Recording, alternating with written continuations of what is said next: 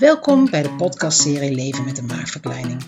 Mijn naam is Marie-José Kops, 52 jaar. Ik ben GGZ-behandelaar, oprichter van Bariatriek op Nederland. En de komende tijd gaan we jullie meenemen in de wereld van de maagverkleining. Allerlei onderwerpen gaan komen aan bod. Onderwerpen als zelfbeeld. Wat doet het met je als je 30, 40, 50 kilo afvalt? Is een maagverkleining altijd de juiste optie? Op het moment dat je kiest voor een maagverkleining, waar moet je dan aan denken? We gaan het ook over moeilijkere onderwerpen hebben, als wat moet je doen als je weer aangekomen bent? Hoe zorg je voor een gezonde leefstijl?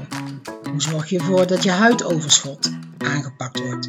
Kortom, allerlei onderwerpen die voor jou toe doen. Veel plezier met luisteren. Lieve luisteraars, welkom bij weer een aflevering van de podcast Leven met een maagverkleining. Mijn naam is Gabi van Vlokhoven. Ik ben psychiatrisch verpleegkundige, gewichtsconsulent, beweegcoach en ik heb uh, nu bijna vijf jaar een gastric sleeve. In deze aflevering wil ik het met jullie gaan hebben over um, hoe, hoe ik heb gekozen om naar de huisarts te gaan. In de vorige aflevering heb ik jullie al verteld hoe het was bij de huisarts en uh, hoe ik een keuze heb gemaakt voor het ziekenhuis. Nou, voordat je naar de huisarts gaat, um, zit je er waarschijnlijk al heel lang mee met je over, overgewicht. Ik zal het dicht bij mezelf houden. Ik heb altijd overgewicht gehad. Ik weet gewoon niet wanneer ik slank was.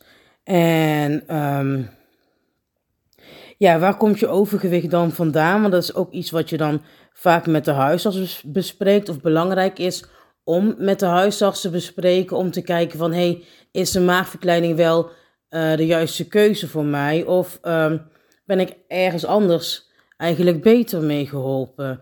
Nou, ik ga daarin gewoon heel eerlijk tegen jullie zijn, want ik vind dat wel gewoon heel belangrijk. En ja, eten is uh, voor mij altijd een soort van, misschien wel um, vriend geweest. Um, ik uh, ben altijd eigenlijk best wel druk en onrustig. En um, eten dempt eigenlijk. Op het moment dat ik uh, iets eet, iets zoets of wat dan ook, dan heb ik op dat moment gewoon even rust. En um, dat gevoel heb ik eigenlijk al sinds dat ik kind ben. Dat ik, uh, ja, dat weet ik eigenlijk heel goed nog, dat ik uh, heel vaak van mijn ouders op mijn kop kreeg, omdat um, de snoeppot leeg was. En ik ging dan stiekem de kelder in en dan pakte ik gewoon snoepjes. Want dat gaf mij gewoon een uh, soort van rust. Dus voor mij was het wel belangrijk om, dat, uh, om daar ook uh, bewust van te zijn. Dus dat uh, hè, mijn overgewicht is ook wel gewoon erfelijk. Want als je kijkt naar uh, de rest van mijn familie en gezin. Um, iedereen is wel aan de volle kant, sowieso in, in heel de familie. Ik denk dat het ook wel een beetje uh, de Surinaamse genen zijn. Maar het was wel belangrijk om dat ook te bespreken met met de huisarts. Om dat voor, of dat voor mezelf gewoon duidelijk, duid, duidelijk te hebben. He, want dan uh, ging ik wel weer op dieet. En dat, dat ging dan twee maanden goed, drie maanden goed. Soms een half jaar. Maar er was altijd wel iets in mijn leven wat dan weer stress veroorzaakte. Waardoor het dan weer moeilijker was om dat strenge dieet, wat ik eigenlijk deed om vol te houden. En zodoende bleef ik eigenlijk continu in een uh, negatieve spiraal van: oké, ik heb een doel, ik wil afvallen. Ik ga 20 kilo afvallen. En ik ga dit doen, dat doen, zus doen. Paleo, koolhydraatarm. Ik was lid geworden van een sportschool die 24 uur 7 was bij mij om de hoek. Zodat als ik de kinderen naar school had gebracht, dan kon ik gelijk door naar de sportschool. En dan kon ik daarna door naar mijn werk. Allemaal dingen, dingen die eigenlijk gewoon niet realistisch waren. En waarmee ik mezelf eigenlijk dus niet, niet echt kon helpen of zo. Het waren wel gewoon allemaal um, hulpmiddelen van hè, als je gezonder eet, als je meer beweegt, uh, kan je wel afvallen, maar ik moet, moest ook dat probleem aanpakken dat ik um, op een andere manier rust moest vinden en niet met eten. Nou, um, om, het daar, om daar, um, ja, ik ga er een beetje van stotteren, want het is natuurlijk wel gewoon, um, ja, iets wat wel gewoon gevoelig is en gewoon kwetsbaar ligt. Om dat gewoon te delen. Maar ik vind het ehm, wel belangrijk om dit met jullie te delen. Omdat ik denk dat het uiteindelijk je kan helpen. En dat je daarmee, als je nog die stap moet zetten naar de huisarts. Dat, ja, dat je gewoon ook weet dat je gewoon uh, open en eerlijk mag zijn. Want uh, als je open en eerlijk bent, dan geloof ik ook dat je gewoon uh, jezelf het beste helpt. Want uiteindelijk maak je de keuze voor een maagverkleining voor jezelf. En heb jij zelf gewoon die hulp nodig. Nou, toen ik dat dus voor mezelf op een rijtje had en echt zoiets had van oké, een maagverkleining kan mij helpen, want ik zag de maagverkleining echt gewoon als een hulpmiddel om meer te bewegen en gezonder te leven, maar ook dat de maagverkleining in mijn leven voor ehm, structuur zou zorgen en daarnaast dat stukje uh, dat ik eten gebruikte voor rust, uh, ben ik ook gewoon daarnaast hulp voor gaan zoeken. Dus dat heb ik dan zeg maar zo op die manier aangepakt. En ben ik dus ook naar de huisarts geweest van luister huisarts, ik ben al zo lang bezig met afvallen. Het lukt me niet. Ik heb dit en dat geprobeerd. Ik weet wel waarom ik uh, de neiging heb om meer te gaan eten. Daarvoor heb ik deze hulp gevraagd. Maar ik zou heel graag gewoon een maagverkleining willen als stok achter de deur. Nou, mijn huisarts was het dus mee eens en die had mij dus een verwijzing gegeven. Nou, dan kom je dus van Oké, naar welk ziekenhuis ga je dan? Er zijn iets van, als ik het goed zeg uit mijn hoofd, 18 ziekenhuizen in Nederland die, uh, ja, die uh, de operatie doen. En weet je, elk ziekenhuis uh, heeft wel zijn eigen, eigen traject, maar alle ziekenhuizen doen het wel gewoon medisch, medisch verantwoord. Dus als je een keuze moet maken voor een ziekenhuis, kijk welk ziekenhuis bij jou in de buurt is. Wat is voor jou belangrijk? En ehm, wat biedt het ziekenhuis?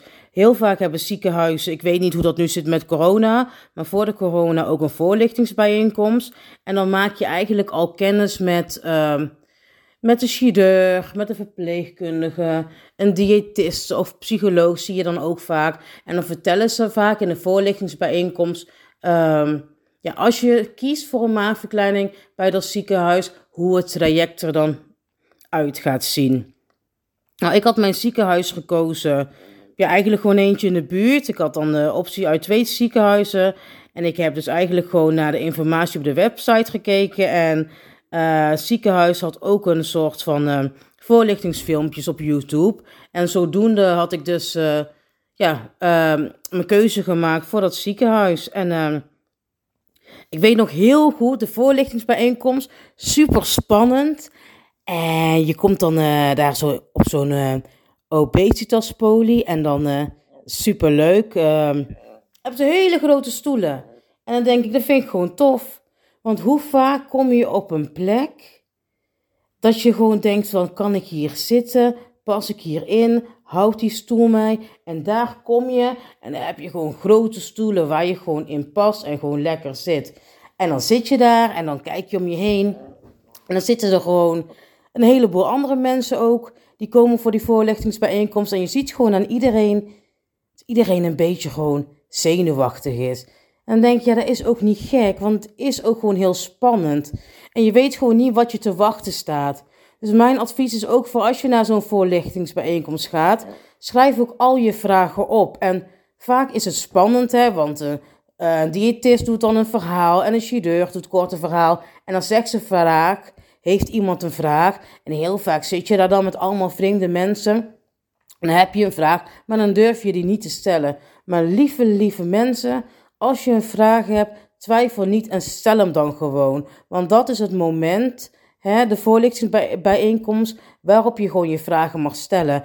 En waarschijnlijk zullen er nog andere mensen in de zaal zijn die ook eigenlijk die vragen hebben. En die vragen ook niet durven te stellen. Dus stel hem gewoon. Want je helpt, je helpt jezelf daarmee en waarschijnlijk ook nog een heleboel anderen. En ik weet nog wel, vroeger op school zeiden ze altijd: er bestaan geen domme vragen. En dat denk ik ook. Weet je, als je iets niet weet, dan weet je dat niet. En uh, dan mag je dat gewoon vragen. Dus schrijf alles op wat je wil weten. Als je twijfelt tussen een sleeve of een bypass. Als je wil weten hoe het traject eruit gaat zien, stel, stel die vraag. Zodat als je naar huis gaat, want je gaat dan echt naar huis met een heleboel informatie, dat je dan voor jezelf ook meer duidelijkheid hebt. Want bij ons was de voorlichtingsbijeenkomst dus zo dat ze gewoon eigenlijk vertelden van hoe het uh, traject eruit zag, uh, wat een maagverkleining is en in het kort wat het inhoudt. En aan het eind van de voorlichtingsbijeenkomst kreeg je een formulier en dan kon je dan je naam en je e-mailadres opzetten als je graag dus een maag, als je dus graag in het traject wilde. En dan kreeg je uitnodiging voor een screening. En als je nog twijfelde, want er waren ook nog wel mensen die twijfelden. Um, nou, dan uh, zouden ze je later bellen en dan hadden ze het nog met jou telefonisch over. Dus dat is eigenlijk ook fijn, want dan kun je alsnog je vragen stellen. Nou, ik had dus op mijn, uh, bij de voorlichtingsbijeenkomst ingevuld uh, ja, dat ik ervoor wilde gaan. En dan kreeg ik ook nog formulier, bepaalde formulieren mee die ik nodig had voor de screening. Maar daar ga ik jullie in een podcast over vertellen. In de volgende podcast over vertellen. Maar uh, lieve mensen, uh, wat ik belangrijk vind in deze aflevering is van. Uh, sta goed stil bij jezelf. Van hé, hey, waar komt mijn overgewicht vandaan en wat voor hulp heb ik daarbij nodig. En bespreek dit met je huisarts en komt eruit van hey, een maagverkleining is passend. Kijk goed op internet naar de mogelijkheden. Er zijn Facebookgroepen. Wij zijn er natuurlijk, de Bariatriegroep Nederland. En uh, ja, meld je aan uh, voor een voorlichtingsbijeenkomst. En uh, wees niet bang om al je vragen te stellen. En Marie zegt het altijd heel mooi, ook in haar boeken, het handboek naar je maagverkleining. Jij moet lopen die pad. Weet je, we moeten allemaal ons eigen pad lopen. We zitten er allemaal met ons eigen verhaal. En daar weet ik, ik wil zeggen, dat kan ik gewoon nog helemaal goed voelen. Dus kijk gek, want niemand ziet mij en ik zit hier met mijn ogen dicht. Gewoon omdat ik dan weer uh, die emotie voel. Dat je daar in die ruimte zit met al die mensen. Iedereen met hun eigen verhaal. En op de een of andere manier voel je toch een connectie met elkaar. Want uh, je hebt allemaal een bepaalde struggle en je hoopt allemaal dat de maagverkleining gewoon, dat je die kan krijgen en dat die je gewoon gaat helpen. En dat is gewoon heel mooi. Dat merk je ook echt heel erg bij de screening. Maar daar ga ik jullie de volgende keer meer over vertellen. Heb je vragen? Wil je meer weten? Kijk op onze website www.bariatriegroepnederland.nl En heel graag tot de volgende keer. Doei doei! Je hebt weer geluisterd naar een podcast van de Bariatriegroep Nederland. Het steun- en infopunt na je maagverkleining. Wil je meer weten? Of ben je op zoek naar andere informatie over je maagverkleining? Of wil je gewoon eens met lotgenoten praten? www.bariatriegroepnederland.nl Of je kunt ook altijd een e-mail sturen naar info.bariatriegroepnederland.nl Ook op Facebook en Instagram zijn we te vinden. Doei!